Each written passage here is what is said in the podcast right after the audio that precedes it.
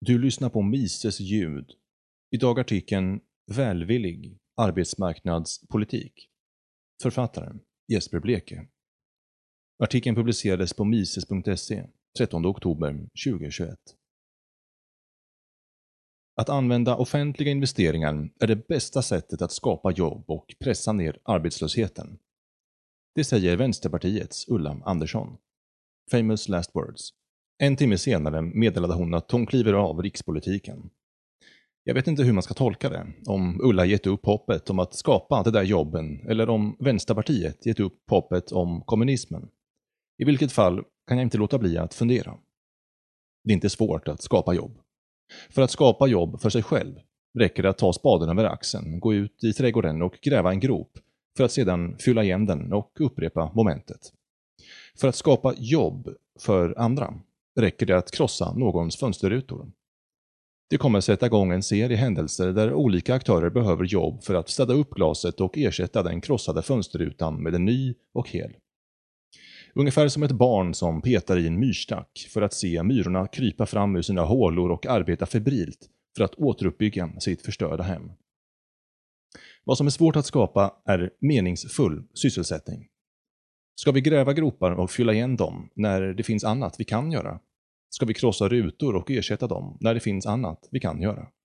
Vi har knappa resurser att röra oss med och måste välja vilka mål vi ska tillämpa dem på med omsorg. Exemplet kan tyckas absurt.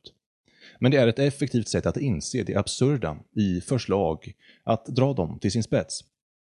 Det är även en användbar liknelse, då den representerar irrationell och ineffektiv allokering av resurser, vilket är vad du får i en planerad ekonomi.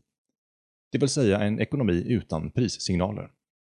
Ett typexempel är Kinas nybyggda spökstäder, som både rests och rivits innan någon hunnit flytta in för att driva den 8-procentiga tillväxten av BNP varje år. Om signal in störs kommer det resultera i att signal ut störs. Man kan inte längre korrigera för lågt utbud eller hög efterfrågan. Det ena leder till det andra och köerna till mataffären, bensinmacken och slutligen banken sträcker sig längre och längre. Alla samhällen präglas av reglerna för fria och fredliga interaktioner i någon utsträckning som Hoppe betonar. Varför även Kina lärt sig att tolerera en allt större fri marknad med privat ägande, den hårda vägen. Om nu även kommunistiska diktaturer inser att de inte klarar sig utan marknad och ägande, att det kollapsar under planekonomins vikt, kan man fråga sig vad vi egentligen ska med staten till. Rimligtvis borde något som är livsuppehållande vara nyttigt även i större dos och något som är dödande vara farligt även i mindre dos. Med Mises ord, socialism är ett alternativ till kapitalism på samma sätt som cyanid är ett alternativ till vatten. Det är ingen slump att statliga myndigheter präglas av långa köer. Det är inte så, som de inbillar sig själva, att de utför en uppgift som det privata inte klarar av och att de långa väntetiderna beror på begränsande skatter Oavsett vilken av statens aktiviteter du undersöker kan du hitta privata och mer kostnadseffektiva alternativ på andra platser. Förklaringen måste alltså vara av en annan karaktär. Den enkla förklaringen är att prissignaler är ur spel. Orsaken är tvåfaldig. För det första kan staten anpassa målet efter resurserna, där alla andra måste göra tvärtom. Istället för att använda resurserna mer effektivt kan man helt enkelt sänka ambitionerna och eller göra besparingar. Ett företag som sparar för mycket mister hela stycket, men statens skattebas har ingenstans att ta vägen och för den som har monopol kan kunden inte vända sig till någon annan. Om man har en eller tio handläggare för priset av en går det inte att säga om staten är den enda som utför handläggningen. Om man betalat för mycket i en offentlig upphandling går det inte heller att säga. Bara om man använt upp årets budget eller ej. För det andra kan staten helt enkelt dra i skattehöjningsspaken för att täcka upp eventuella förluster. Om skatten höjs med en krona innebär det inte att staten får in en skattekrona. Men när det inte räcker till att höja skatten har man inflationspaketen. Precis som att ett företag inte kan dra ner på kostnader ostraffat kan det inte få upp intäkterna utan motprestation. Ekonomins första lag är knapphet. Men politikens första lag är att ignorera ekonomins första lag. Knapphet försvinner dock inte för att man ignorerar den. Varje skattesatsning och subvention sker på bekostnad av värdeskapande. Liksom med det tidigare nämnda krossade fönstret som kräver insatser från glasblåsare och snickare på bekostnad av bagare och skräddare.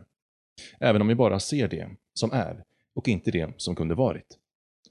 Ett tydligare exempel på det krossade fönstret är kanske krig, som ofta sägs skapa ekonomisk tillväxt. Och visst är det sant att ekonomin växer snabbt när staten släpper sitt kommando och bombade städer, fabriker och jordbruk som måste återuppbyggas. Men det är lika sant att samhället inte är rikare av kriget och att samma resurser som används till att återuppbygga det, som förstörs, kunde användas till att skapa något nytt.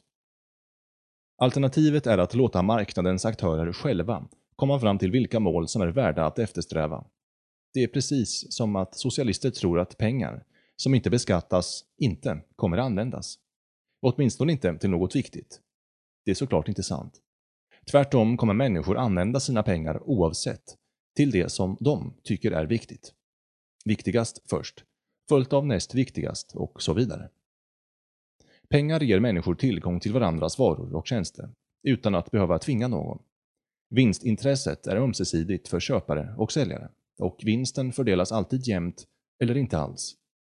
Tar man bort den möjligheten finns endast statligt fördelat tvångsarbete kvar, och då vet man inte om det man gör är värdeskapande, det vill säga om det är eftersträvansvärt eller kostnadseffektivt.